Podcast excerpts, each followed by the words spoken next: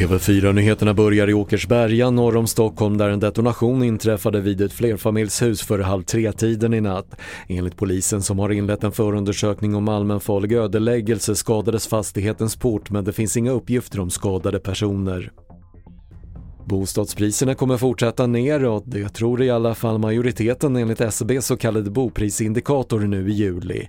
Dyrare bopriser och höjda räntor är några av skälen. Förväntningarna vänder ner och det är ganska väntat när vi ser ett allt mer ansträngt privatekonomiskt klimat hos svenska hushållen, vilket då innebär att bostadsmarknaden kyls ner. Man efterfrågar allt mindre av den från svenska folket. Det sa Americo Fernandez, privatekonom på SCB.